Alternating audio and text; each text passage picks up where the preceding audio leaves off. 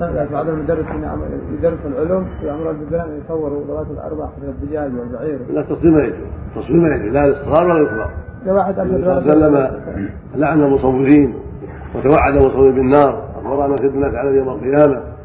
فلا يجوز التصوير لا من الطلبه ولا غير الطلبه الله يحسن العافيه